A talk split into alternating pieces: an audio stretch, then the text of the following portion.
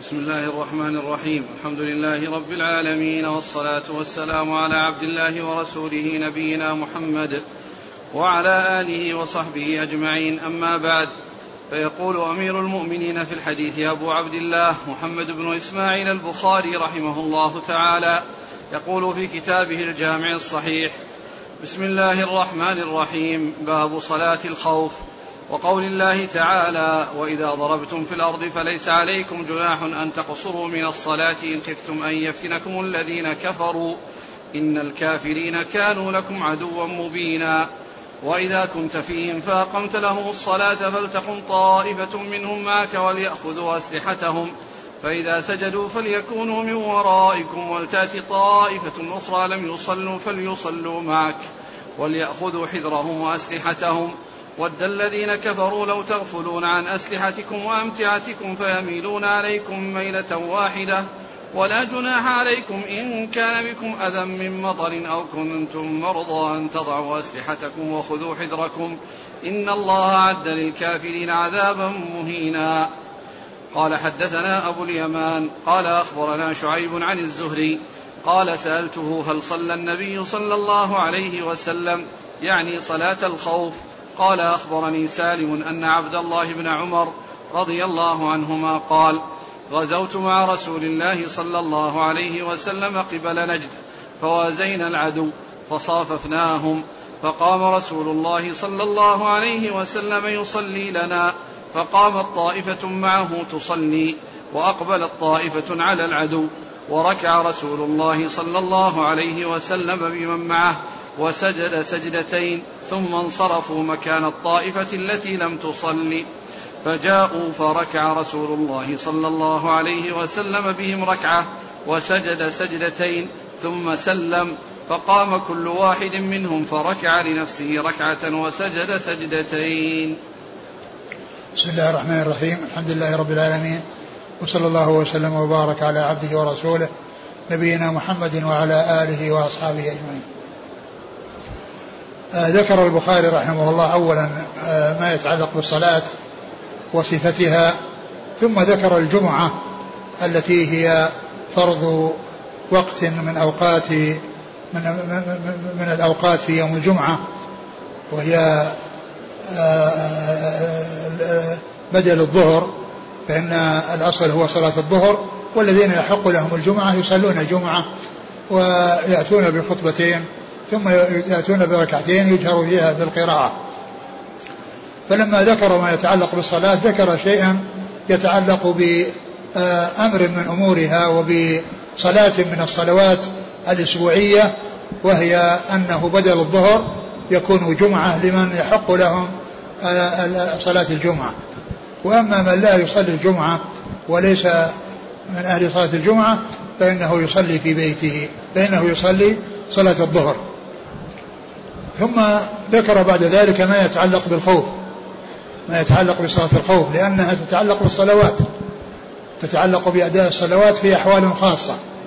الصلوات الخمس في آه التي فرضها الله في كل يوم يوم وليلة في أحوال خاصة وهي حال ملاقاة العدو فإن لها صفات مخصوصة جاءت بها سنة الرسول صلى الله عليه وسلم وجاء ذكرها في كتاب الله عز وجل. ثم ذكر البخاري رحمه الله آه الآيتين الكريمتين وإذا ضربتم في الأرض فليس عليكم جناح أن تقصروا من الصلاة إن خفتم أن يفتنكم الذين كفروا.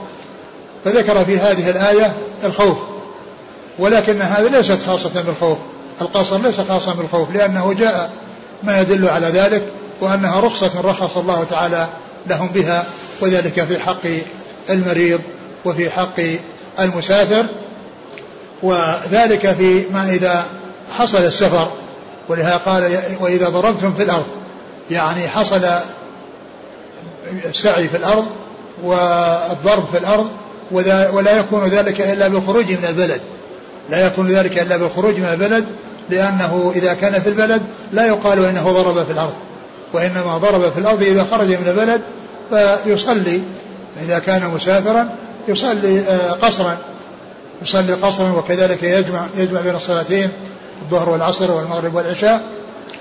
ف فجاء يعني فجاءت الآية فيها ذكر الخوف ولكن جاءت السنة مبينة أن الحكم أنه ليس خاصا بالخوف وإنما يكون في غير الخوف كالسفر كالسفر والمرض. والمرض فيما يتعلق بالنسبة للجمع. أما بالنسبة للقصر فالمريض لا يقصر. المريض لا يقصر وإنما يجمع فقط. وأما المسافر فإنه يجمع يجمع ويقصر. ثم ذكر الآية الثانية وإذا كنت فيه فأقمت لهم الصلاة. وهذا يدل على تأكد وجوب صلاة الجماعة وأن صلاة الجماعة واجبة لأنها إذا كان في شدة الخوف ما سقطت ولا تركت بل حفظ عليها أي حفظ على صلاة الجماعة في شدة الخوف فهذا يدل على وجوبها وعلى تأكد وجوبها وأنه لا يتهاون في صلاة الجماعة لأنه لو كان الأمر هينا ما احتيج إلى أنه يقسم إمام الجيش ورئيس الجيش يقسم الجيش إلى مجموعتين ويصلي بهم الصلوات التي جاءت صفة صلاة الخوف فيها عن رسول الله عليه الصلاة والسلام من وجوه عديدة منها ما هو في الصحيحين ومنها ما هو في غيرهما. ثم ذكر بعد ذلك حديث ابن عمر رضي الله تعالى عنهما وهو مشتمل على على إحدى على واحدة من صلاة الخوف أو صفة من صفات صلاة الخوف. اقرأ الحديث. قال غزوت مع رسول الله صلى الله عليه وسلم قبل نجد فوازينا العدو فصففناهم. فقام رسول الله صلى الله عليه وسلم يصلي لنا فقامت طائفة معه تصلي وأقبلت طائفة على العدو. وركع رسول الله صلى الله عليه وسلم بمن معه وسجد سجدتين ثم انصرفوا مكان الطائفة التي لم تصلي. فجاءوا فركع رسول الله صلى الله عليه وسلم بهم ركعة وسجد سجدتين ثم سلم فقام كل واحد منهم فركع لنفسه ركعة وسجد سجدتين. ثم ذكر يعني هذا الحديث عن ابن عمر وهو أنه صلى مع النبي صلى الله عليه وسلم صلاة الخوف وأنهم صافوا العدو وكان العدو ليس في جهة القبلة. أما إذا كان في جهة القبلة فإنه له صفة خاصة يعني جاءت في بعض الأحاديث عن رسول الله عليه الصلاة والسلام. ولكن إذا كان الأمر إذا كان في غير جهة القبلة وهم يخشون من انقضاض العدو عليهم وهم يصلون فإن الإمام أو الإمام الجيش أو رئيس الجيش يقسم الناس إلى مجموعتين ثم يدخل في الصلاة ومجموعة معه تدخل في الصلاة ومجموعة إلى وجه العدو المجموعة إلى جهة العدو مقابلون للعدو ثم إنه يركع ويسجد يركع ويسجد سجدتين وتركع معه تلك الطائفة التي هي دخلت معه في الصلاة. ثم بعدما ينتهي من الركعة الأولى ويقبر الركعة الثانية يذهب هؤلاء يذهب هؤلاء الذين صلوا معه ويكونون تجاه العدو. ويأتي المجموعة الثانية التي هي وجاه العدو فتصلي معه الركعة الثانية. تصلي معه الركعة الثانية. ثم إنه إذا سلم آه، قام كل منهم وأتى لنفسه بركعة وسجدتين. يعني معنى ذلك أنه يصلي بكل طائفة ركعة ثم بعدما يسلم تقوم الطائفة الأولى والثانية ويأتون بركعة ثم يسلمون. و آه، والذي يتبادر إلى يعني الذهن أن, أن أنهم يصلون جميعا الطائفة الأولى والثانية. ومعلوم أن هذا لا تتم معه الحراسة ولا يتفق مع التوزيع الذي حصل من أجل الحراسة. ولهذا قيل يعني أن المقصود أن أن أن أنه على التعاقب وأن المجموعة الأولى التي كانت مع الإمام أنها آه، آه، تصلي الركعة التي بقيت عليها وتسلم ثم تأتي المجموعة الثانية وتصلي الركعة التي بقت عليها وتسلم. والمجموعة التي كانت معه في الأولى وذهبت اتجاه العدو هي في صلاتها مستمرة في صلاتها. فيكون آه، مقتضى الحراسة أن لا يكونوا جميعا لأنه لو كان جميعا ما تحقق موضوع وضع الحراسة. لأن العدو إذا كان خلف المسلمين وهم يصلون فإن أنه لا بد من الحراسة. وأما إذا كانوا أمامهم فهذه لها صفة خاصة جاءت في في, في بعض الأحاديث الصحيحة و ولا يخشى عليهم من العدو لأنهم يرونه أمامهم ويعرفون حركاته. لكن إذا كان من الخلف فإنه قد انقض عليهم وهم يصلون.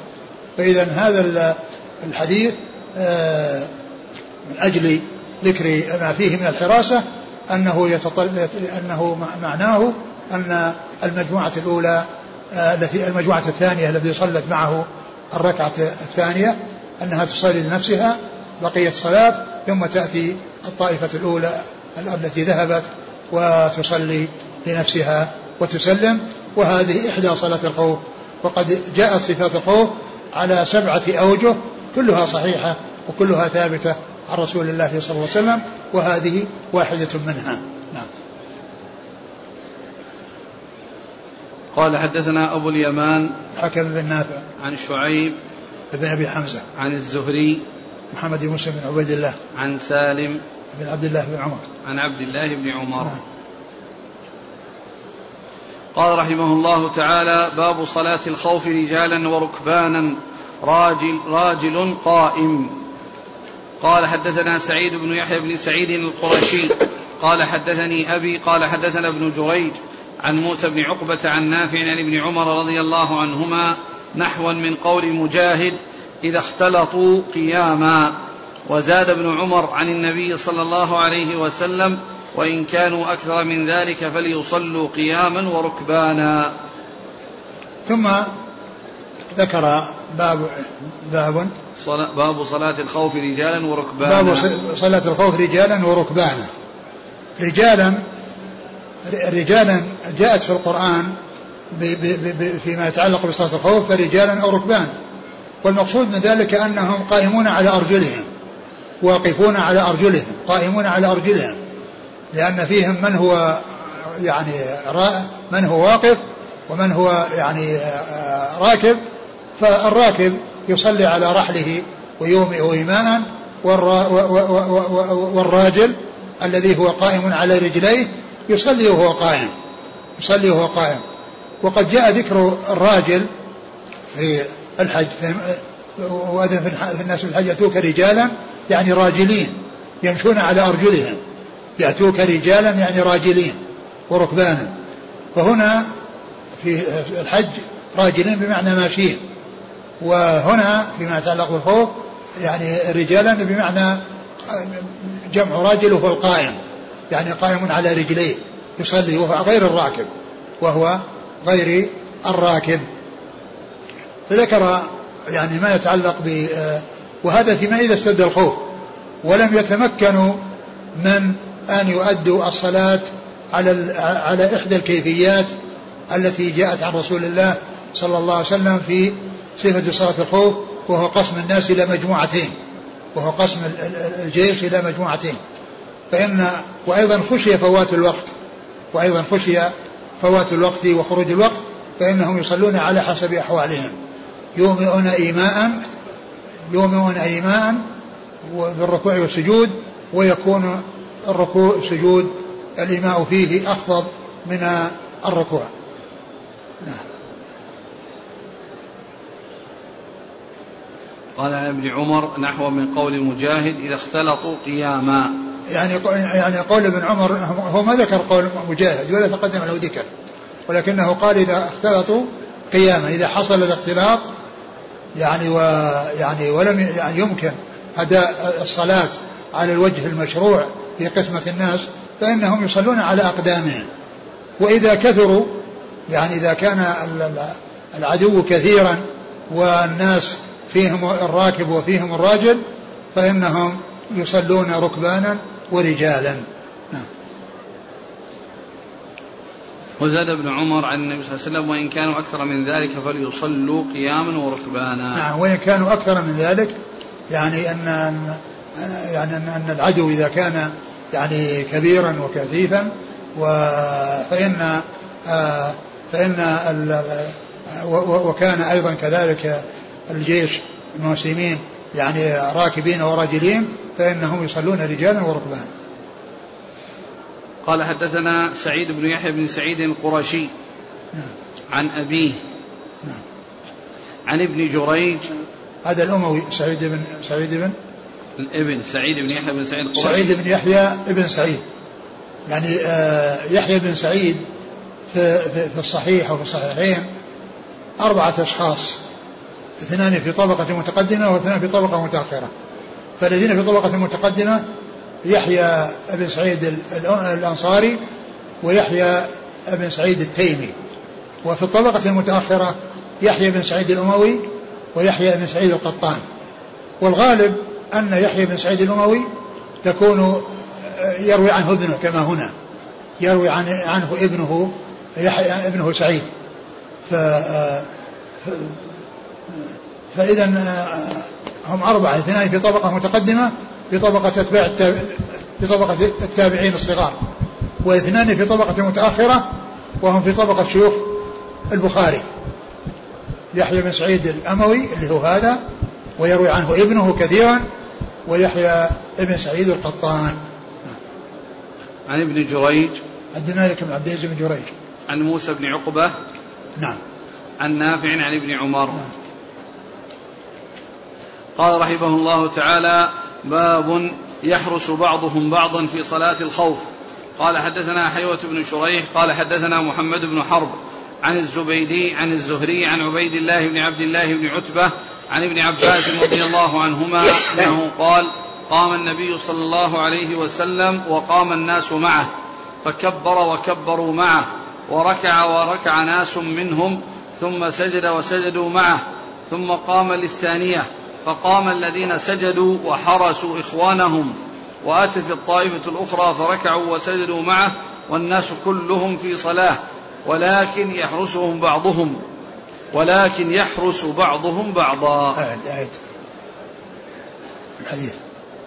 عن ابن عباس قام النبي صلى الله عليه وسلم وقام الناس معه فكبر وكبروا معه وركع وركع ناس منهم وركع وركع ناس منهم ثم سجد وسجدوا معه ثم قام للثانية فقام الذين سجدوا وحرسوا إخوانهم وأتت الطائفة الأخرى فركعوا وسجدوا معه والناس كلهم في صلاة ولكن يحرس بعضهم بعضا. ثم ذكر ثم ذكر هذا الحديث عن ابن عباس. باب باب, باب يحرس بعضهم بعضا.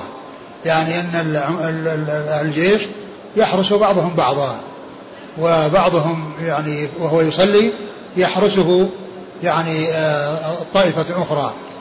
وهذا الحديث عن ابن عباس الرسول صلى الله عليه وسلم دخل في الصلاة ودخل معه جماعة منهم ودخل معه جماعة منهم. وهؤلاء الجماعة الذين منهم هم الذين يلونه. فركعوا مع ركعوا وسجدوا وسجدوا معه. ثم جاءت الطائفة الثانية وذهبت هذه للحراسة ثم جاءت هذه الطائفة الثانية وصلت مع النبي صلى الله عليه وسلم الركعة الثانية. وصلت مع النبي صلى الله عليه وسلم الركعة الثانية فكانت للرسول صلى الله عليه وسلم يعني ركعتان ولكل ركعة ولكل ركعة. نعم. قال حدثنا حيوة بن شريح. من هو؟ حيوة بن شريح. نعم حيوة بن شريح الحمصي. عن محمد بن حرب. نعم. عن الزبيدي. هو محمد بن وليد. عن الزهري. نعم. عن عبيد الله بن عبد الله بن عتبة. نعم. عن ابن عباس. حيوة بن شريح اثنان. يعني مصري وحمصي. فالحمصي هو الذي يأتي متأخرا من الطبقة العاشرة. بطبقة شيوخ أصحاب الكتب الستة أو يعني بعضهم. وأما الحمصي وأما المصري فهو متقدم في الطبقة السابعة. فعندما يأتي حيوة بن شريح في أثناء الأسانيد أسانيد الكتب يعني الكتب الستة فإنه يراد به المصري. وإذا جاء في الطبقة المتأخرة من طبقة شيوخ أصحاب الكتب الستة كما هنا شيخ البخاري فهو الحمصي والثلاثة الأولون يعني من الشام شاميون. وثلاثة في الإسناد آه، مدنيون الزهري وعبد الله وابن عباس. وابن عباس. ابن عباس طبعا صار في الطائف في آخر أمره. نعم. قال رحمه الله تعالى باب الصلاة عند مناهضة الحصون ولقاء العدو. وقال الأوزاعي إن كان تهيأ الفتح ولم يقدروا على الصلاة صلوا إيماء كل امرئ لنفسه.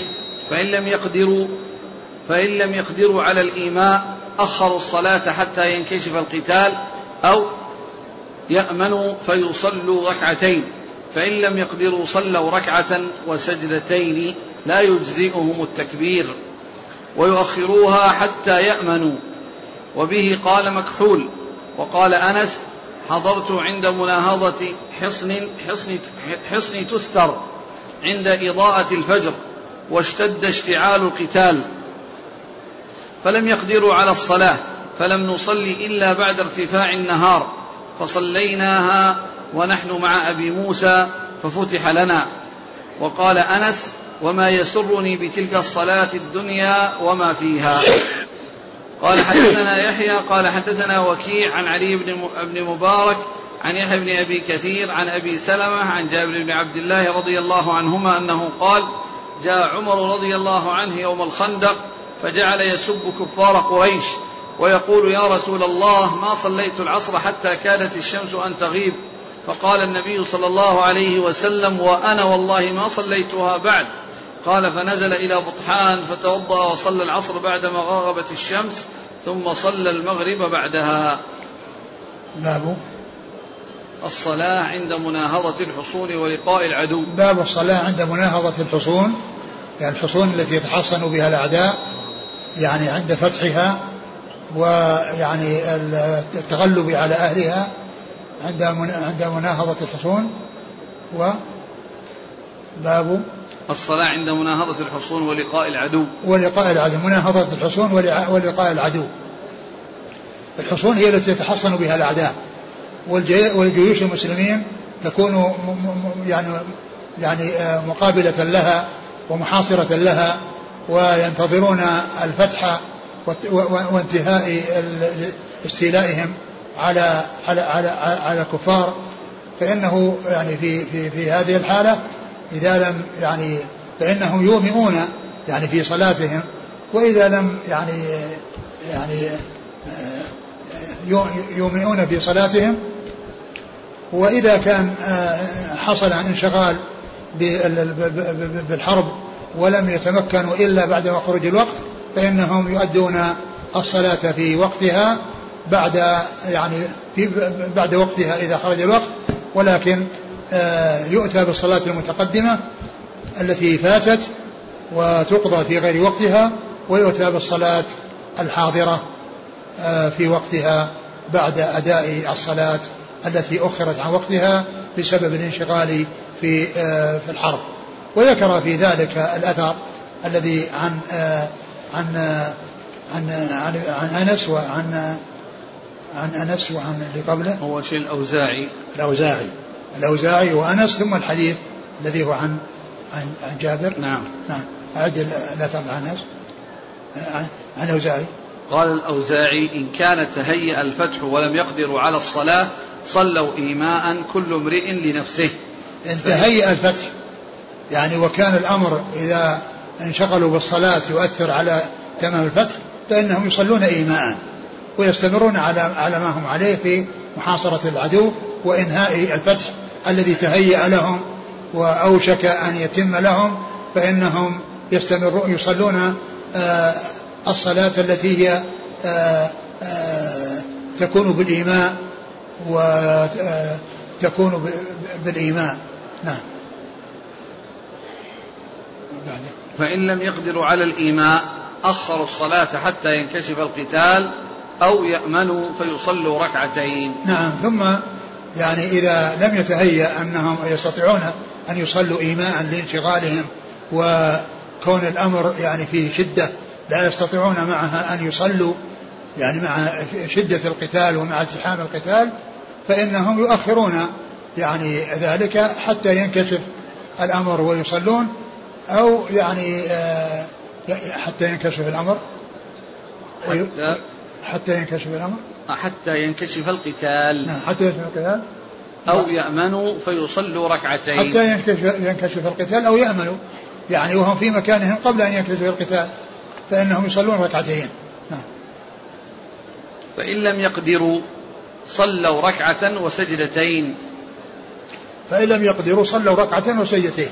يعني معناه أنها صلاة الخوف يعني جاء في بعض الأحاديث أنها تكون ركعة واحدة.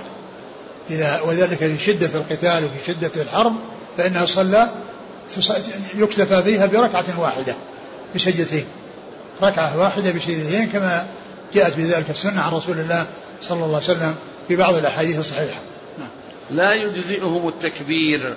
لا يجزئهم التكبير يعني أنهم يعني يكبرون فقط وأنهم يدخلون الصلاة بقولهم الله أكبر ويكتفون بذلك لأنه لا بد يعني أنهم إما يومئون بالركوع والسجود يكبرون ويومئون بالركوع والسجود أو أنهم يعني آه، آه، يتمكنون من من الصلاة ركعتين أو ركعة واحدة نعم. قال ويؤخروها حتى يأمنوا يؤخروها حتى يأمنوا يعني إذا كان الأمر في شدة ولم يستطيعوا أداءها لشدة الالتحام وهم مشغولون بأنفسهم ولا يستطيعون أن يصلوا صلاة الإيماء الركوع والسجود بالإيماء فإنهم يؤخرونها ولو خرج الوقت. نعم. قال وبه قال مكحول. نعم. وقال أنس حضرت عند مناهضة حصن تستر عند إضاءة الفجر واشتعل اشتعال القتال واشتد اشتعال القتال. فلم يقدروا على الصلاة فلم نصلي إلا بعد ارتفاع النهار فصليناها ونحن مع أبي موسى ففتح لنا. يعني أنهم في حال اشتعال القتال ما يستطيعون الصلاة حتى بالإيمان لأنهم مشغولون ولا يستطيعون يصلون حتى بالإيمان. فلهذا أنهم في حصن تستر لما حاصروه لم يتمكنوا من الصلاة إلا بعد ارتفاع النهار. يعني معناه أنهم صلوها بعد خروج الوقت صلاة الفجر صلوها بعد خروج وقتها. لأن لأن النهار أو لأن وقتها ينتهي بطلوع الشمس. فإذا صلوها هم بعد طلوع طلوع الشمس. وقال أنس وما يسرني بتلك الصلاة الدنيا وما فيها. نعم يعني هذه الصلاة التي صلوها يعني وكانت مضطرين إلى إلى أدائها في ذلك الوقت آآ آآ وأنهم غير متمكنين من أدائها لشدة الالتحام الذي لا يفكر فيه يعني لا يعقل الإنسان شيئا من صلاته فإن فإنه فرح وسر بهذا الذي قد حصل وهو أنهم آه، يعني آه، أخروها حتى تم الفتح وحتى أدوها بعد خروج وقتها فقال إنه ما, يسرني ان ان ان أن لي بهاتين الركعتين الدنيا وما فيها. حديث جابر قال جاء عمر يوم الخندق فجعل يسب كفار قريش. نعم ثم ذكر حديث عمر أنه آه، جابر أن عمر رضي الله عنه كان يسب كفار قريش عند النبي صلى الله عليه وسلم وقال ما كنت أصلي حتى غربت الشمس يعني معناه انه صلى عند غروب الشمس. فالنبي صلى الله عليه وسلم قال وأنا ما صليتها. ثم نزل إلى بطحان وتوضأ وصلى العصر التي خرج وقتها ثم صلى المغرب في وقتها. وهذا يعني يدل على أنه في حال التحام القتال وفي شدة القتال والناس يعني مشغولون فيه ولا يعقلون صلاتهم ولا يتمكنون من أداء الصلاة يعني آه، يومئون ايماء ويعقلوا صلاتهم فإنه إذا إذا خرج الوقت فإنهم يؤدونها و وهم معذورون في ذلك. نعم.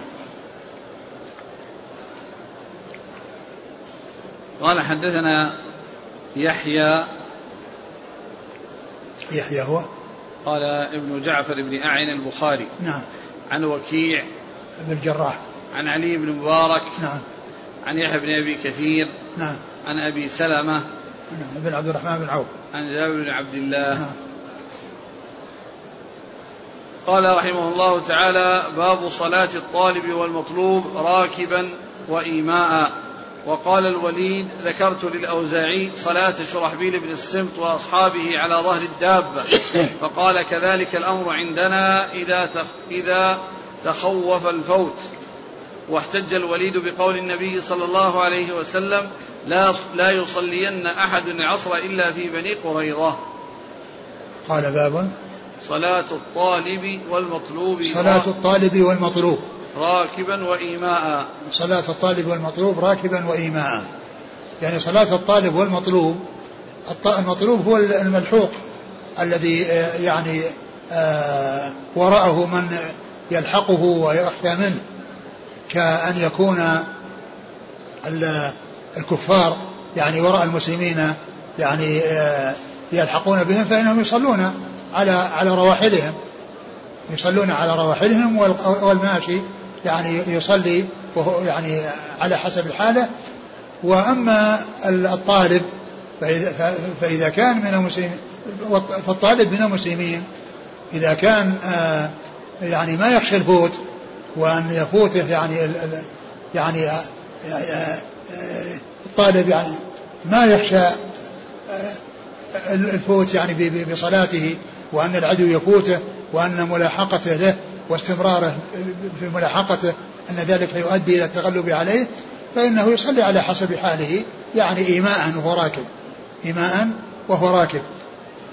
و أو كذلك يعني إذا كان يعني هو يعني طالب ولكنه يخشى أنه لو صلى أنه يترتب عليه مضرة وأن العدو يلحقه فإنه في هذه الحالة أيضا يصلي وهو يعني بالإيمان نعم. ثم ذكر الحديث. قال وقال الوليد ذكرت للأوزاعي صلاة شرحبيل بن السمط وأصحابه على ظهر الدابة فقال كذلك الأمر عندنا إذا تخوف الفوت. نعم إذا تخوف الفوت يعني فوت العدو. نعم. واحتج الوليد بقول النبي صلى الله عليه وسلم لا يصلين أحد العصر إلا إلا في بني قريظة. واحتج الوليد ومسلم بقوله صلى الله عليه وسلم لا يصلي العصر أحد العصر إلا في بني قريظة لأن يعني هؤلاء يخشون أن يفوت فواصلوا حتى يعني يعني تمك فإنهم يصلون على على على على رواحلهم وهم يعني يخشون فوت العدو. وهذا الحديث لا يصلي إلا بني قريظة الصحابة انقسموا قسمين منهم من فهم أن المقصود المبادرة والمسارعة. ولهذا صلوا يعني قبل غروب الشمس. يعني صلوا قبل غروب الشمس. يعني لأنهم هم لاحقون ليسوا ملحقين. هم لاحقون غيرهم ذاهبون إلى غيرهم. وبعضهم فهم أنهم يواصلون حتى يصل بني قريظة ثم يصلون ولو خرج الوقت. فإذا انقسم الصحابة إلى قسمين في فهم هذا الحديث. منهم من صلى الصلاة في وقتها وفهم أن مراد النبي صلى الله عليه وسلم المبادرة والإسراع. لأن الأصل أن الصلوات تصلى في وقتها ولكن هذا الكلام المقصود منه الإسراع والمبادرة. وغيرهم فهم أنه يستمرون في سيرهم وألا يصلوا العصر إلا في بني قريظة. ولذلك أخروها وصلوها بعد بعد فوات وقتها بعد فوات وقتها. فإذا الوليد استدل بهذا الحديث على أن الطالب يعني أن أنه إذا احتاج الأمر إلى أن يؤخر الصلاة وأنه لا يتمكن من أدائها فإنه يصلي إيماء وإن لم يحصل ذلك فإنه آه، إذا حصل إذا حصل الفتح وحصل التغلب على العدو فإنه يصلي الصلاة بعد خروج وقتها كما حصل من النبي صلى الله عليه وسلم عام الخندق فإنه صلى العصر بعد غروب الشمس.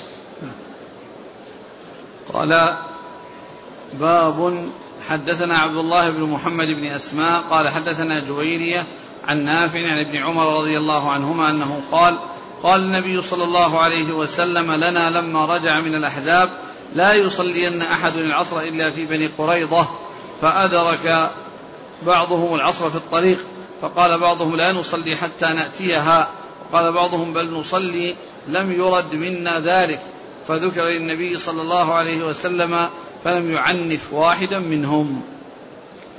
آه، ذكر باب بدون ترجمة وله علاقة بالذي قبله لأنه لما ذكر استدلال الاستدلال بالحديث على يعني استدلال الوليد بالحديث على أن الإنسان يعني يصلي على حسب حاله ذكر الحديث الذي آه، جاء في هذا الأمر وهو حديث قول النبي صلى الله عليه وسلم لا يصلي أن أحدكم العصر إلا في بني قريظة.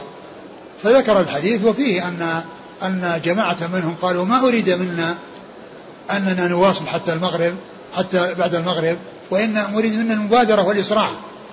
والصلاة مطلوب أنها في وقتها ولا تخرج عن وقتها ولا تخرج عن وقتها. وأناس فهموا عكس ذلك وأنهم يستمرون حتى يصلوا.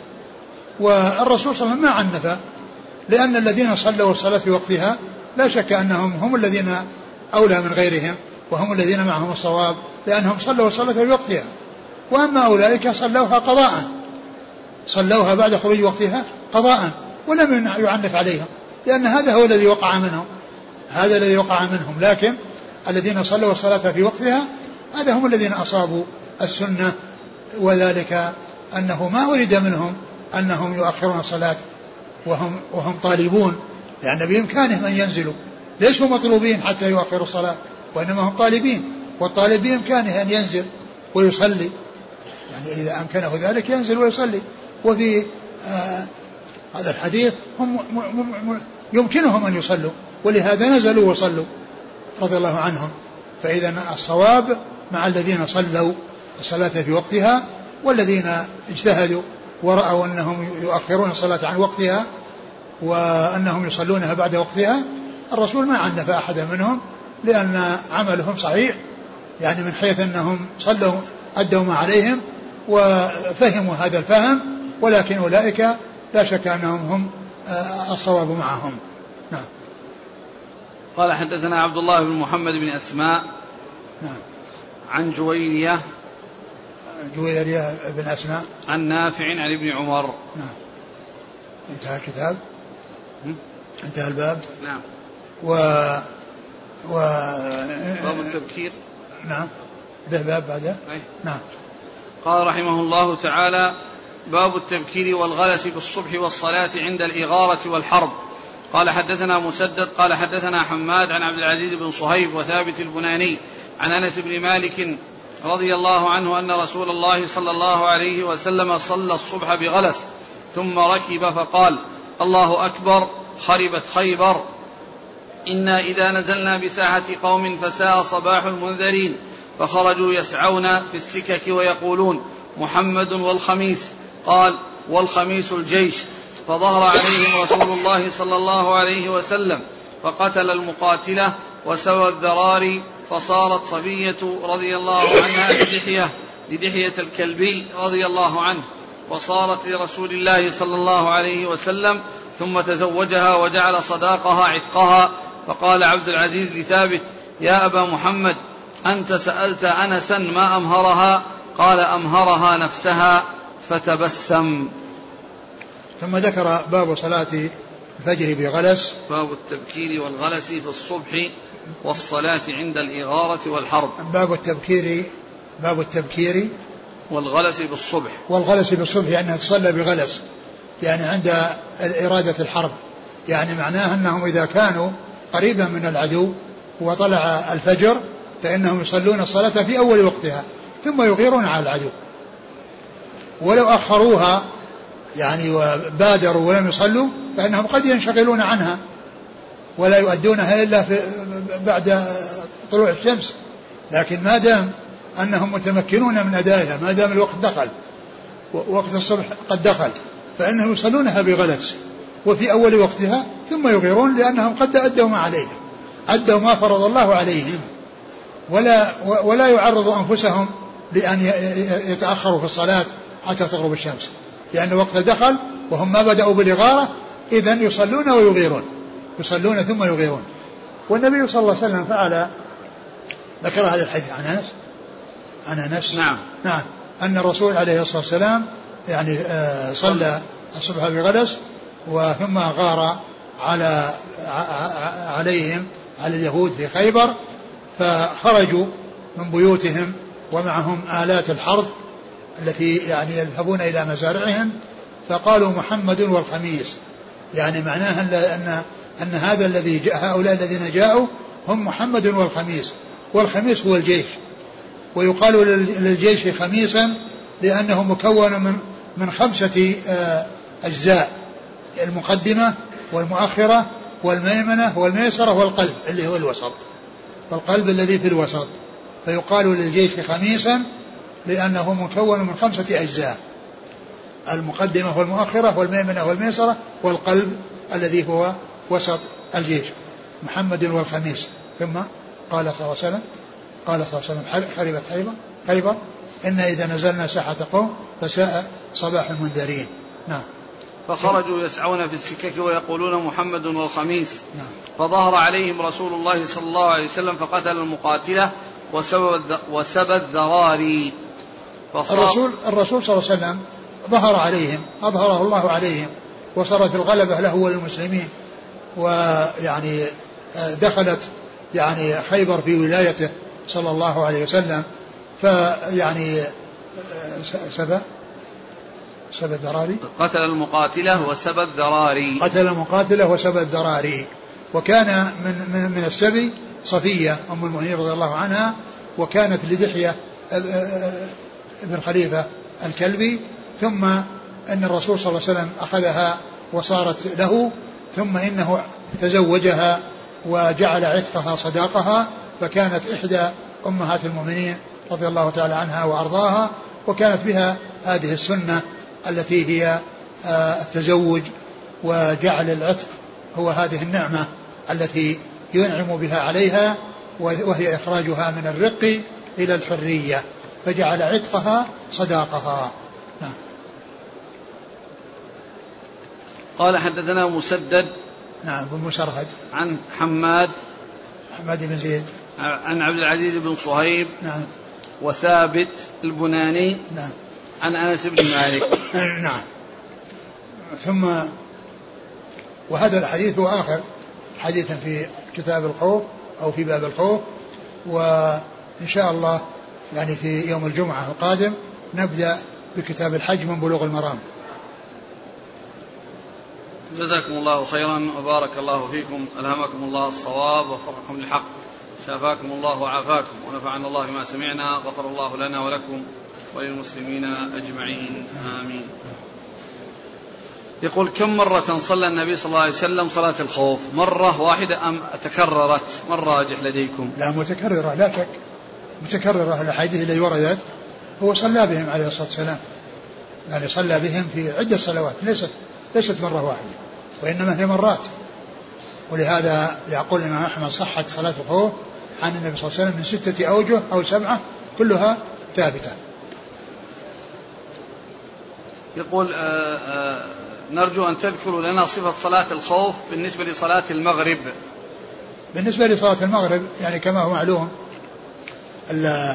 يعني ذكر الحافظ بن حجر أو أو ابن رجب أنه يعني يصلي بهم ويكون يعني الطائفة الأولى يصلي معه ركعتين والطائفة الثانية يصلي يصلي معه ركعة. ثم يعني يتمون أو كل يأتي بما بقي عليه. لأن صلاة المغرب لا تقصر. صلاة المغرب لا تقصر. وهي يعني فصلاتها يعني ما نعرف عن النبي صلى الله عليه وسلم أنه حصل منه شيء ذلك فيما يتعلق المغرب ولكن العلماء ذكروا أنها تكون بهذه الطريقة. أن أن جماعة تصلي مع ركعتين وجماعة تصلي معه ركعة.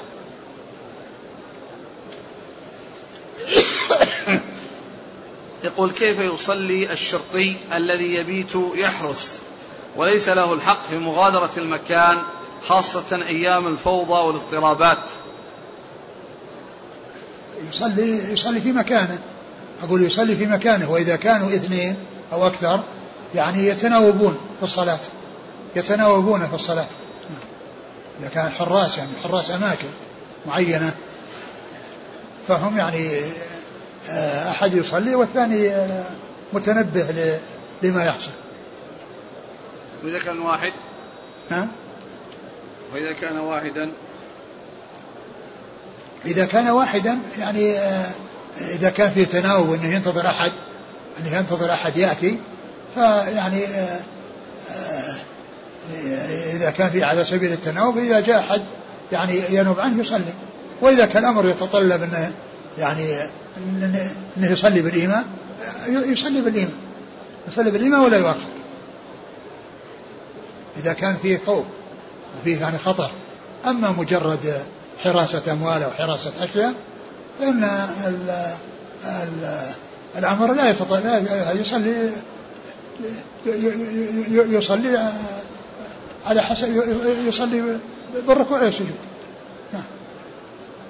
هذه امرأة تقول توفي عني زوجي وأنا الآن في العدة فهل لي أن أسافر الحج علما بأن هذه حج الفريضة؟ ليس لها أن تسافر. ليس لها أن تسافر وهي معتدة. ليس لها أن تسافر للحج وهي معتدة.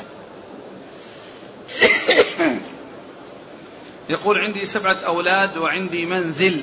فوهبت للولد المعاق منهم المنزل بموافقة جميع الأولاد الآخرين.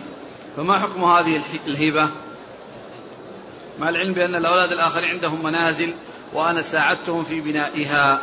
لا بأس بذلك. ما دام ما دام أنه معاق وليس له يعني مثل ما لهم ولهم منازل وهو مساعدهم وهم موافقون ما في بأس. يقول أنا مقيم بفرنسا وأشتغل حتى يوم الجمعة.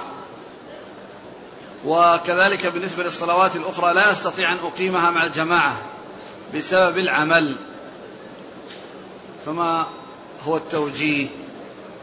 آه آه إذا كان إذا إذا إذا, إذا كان ال ال يعني هذا المكان الذي أنت تعمل به يمكنونك من الصلاة يعني من الصلاة إذا جاء وقت الصلاة أنك تصلي فأنت تصلي. والجمعة ليست لا تصلى إلا إذا إلا إذا إذا حصل التجميع وإلا فإن الإنسان يصلي ظهرا. فأنت إذا كان أن أن أن في أماكن يصلى فيها وأماكن يجمع فيها وأنه يمكنك أن تعمل في أماكن أخرى لا يحولون بينك وبين الصلاة فأنت اعمل هذا العمل. إذا وجدت من يمكنك منها وإن كان كلهم على هذه الطريقة إن كان كلهم على هذه الطريقة فأنت تصلي لنفسك في الوقت وإذا كان معك أحد من المسلمين تصلي أنت وإياه. وأما الجمعة ليس فيه تجميع إلا في المساجد ومع ومع العدد الذي تتوفر فيه صلاة الجمعة. هذا يقول ما حكم بيع العباءات العباءة أو الخمار المزركش الملون؟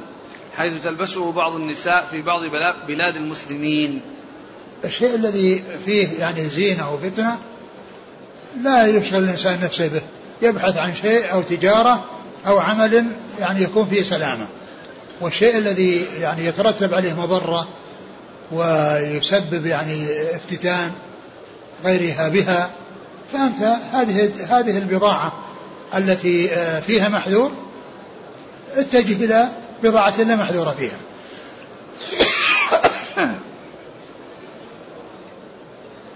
يقول عزمت على الحج إن شاء الله مع أهلي وابني صغير. كيف أفعل بالنسبة لما يلبسه الصبيان من حفاضات؟ هل عليه فدية؟ لا ما عليه فدية. ما عليه فدية. كونك الطفل الصغير سوى حفاظ وإما حجيت ما حجيت حجيت به. يعني إذا ما ما ما أحرمت به. إذا كان أنه يترتب عليه مضرة وأنه يوجد أحد يعني أحد يحافظ عليه في الخيمة أو في البيت. فكونك آه، آه، تجعله عندهم أولى من كونك. وإن حججت به فالحج صحيح كما قال النبي صلى الله عليه وسلم لما رفعت إليه امرأة صبي وكان كانت على بعير قال لي هذا حج؟ قال نعم ولك أجر. وكونك تضع حفاظة تمنع آه، نزول الأوساخ منه والنجاسة منه هذا أمر مطلوب ولا, ولا يؤثر. يقول ما حكم الإقامة في فرنسا خاصة بعدما ظهر قانون آه، يمنع المرأة من ستر وجهها؟ أبد. بلاد الكفار الخروج منها في كل وقت هذا أمر مطلوب. يكون بين المسلمين لا يكون بين الكفار. أقول مطلوب في كل بلد يعني أن الإنسان يكون في بلاد المسلمين وألا يبقى بين الكفار وأن لا يبقى من الكفار إلا إذا كان بقاؤه في مصلحة لكونه يدعو المسلمين يعين المسلمين على الثبات على دينهم ويدعو غير المسلمين إلى الإسلام فهذا لا بأس.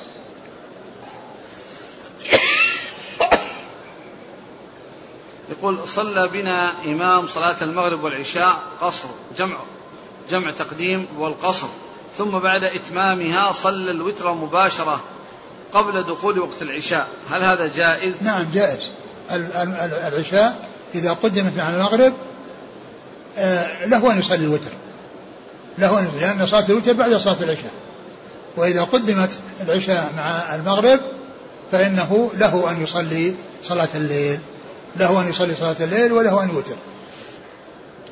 يقول إذا كان جيش العدو في غير إذا كان جيش العدو في عكس القبلة فكيف تصلى صلاة الخوف؟ إذا كان في عكسها؟ إيه؟ الحديث اللي راحت في عكسها. الحديث اللي راحت اللي فيها الحراسة هو إذا كان في عكسه وأما إذا كان في القبلة فكيفيته ثابتة عن رسول الله صلى الله عليه وسلم. وهي أنه يدخل في الصلاة ويدخلون معه جميعا. الصف الأول والصف الثاني. ثم إذا سجد ثم إذا إذا إذا إذا سجد إذا ركع الإمام ركعوا جميعا. وإذا رفع رفعوا جميعا. وإذا سجد سجد معه الصف الأول والصف الثاني واقف في الحراسة ينظر للعدو أمامه. ثم إذا قام للركعة الثانية سجدوا سجدوا ولحقوا بهم.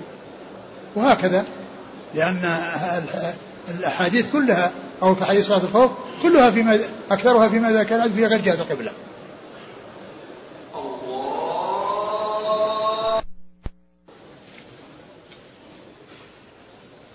يقول إذا كانوا مطلوبين وكانوا ركبانا ورجالا هل تكون صلاتهم وهم يمشون أم يتوقفون ويصلون إيماء؟ لا وهم يمشون. إذا كان إذا كان عدم الوقوف الوقوف يعني يترتب عليه مضرة أنهم يلحقون فإنهم يصلون وهم يمشون. يقول عندنا في تركيا يبيعون الذهب مؤجلا بقيمة أكثر من قيمة النقد فما حكم ذلك؟ ما يجوز بيع الذهب بالتأجيل. يعني بيع الذهب بالتأجيل ما يجوز. الذهب والفضة يعني لا يجوز بيعها بالتأجيل بل لابد من التقابض. لا بد من التقابض. وإذا كان البيع ذهب بذهب لا بد من التساوي أيضا. أما إذا كان بيع ذهب بفضة فالتفاضل لا بأس به سائق ولكن الواجب هو التقابض. فالتقابض مطلوب في الحالين في كونه ذهب بذهب أو ذهب بفضة. لا بد من التقابض.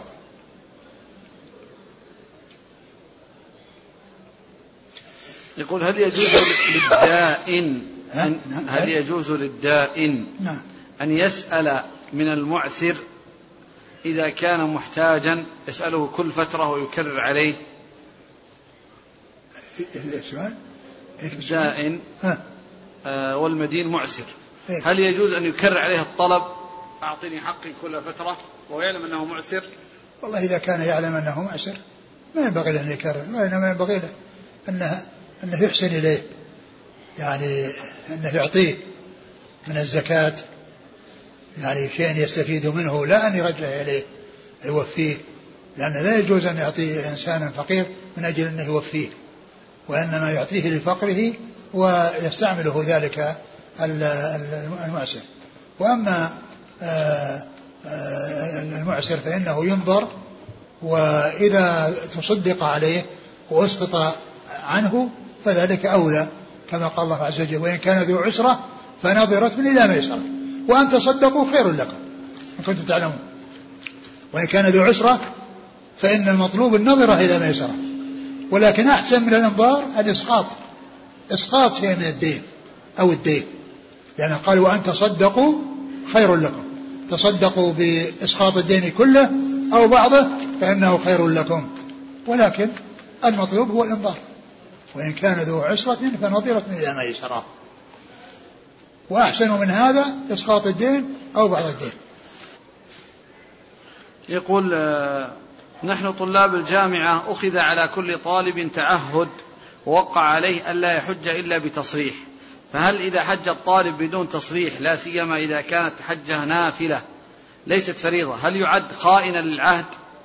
وهل يصح حجه؟ أولا ينبغي التقيد بالتعليمات التي فيها مصلحة الجميع ومصلحة الحجاج وأن أن من حج يترك الفرصة لغيره.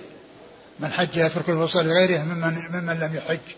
أما آه، كون الإنسان يبحث عن أبواب ويدخل مداخل فيها مخالفة يعني حتى لو لم يأخذوا عليك تعهد حتى لو لم يأخذوا أنت ما ينبغي لك أنك تحج. إلا إذا إلا إذا إذا كنت مستحقا للحج وحصل لك تصريح أما كونك تتحايل وتعمل أعمال يعني آه، آه، من أجل أنك تحج وتضر بغيرك هذا ما ينبغي للمسلم. هذا يقول ذهبت إلى الحج بدون تصريح فلبست الإحرام ووقفتني الشرطة في النقطة فهل علي شيء لأنني رجعت إلى البيت وخلعت الإحرام؟ إيش سوى؟ أحرم وردته الشرطة فك إحرامه ورجع إلى المدينة.